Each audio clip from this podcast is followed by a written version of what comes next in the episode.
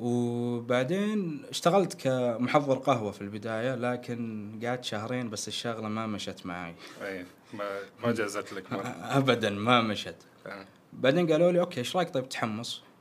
قلت تحميص؟ يلا نروح تحميص يعني هات. خلينا نشوف إيش فيه.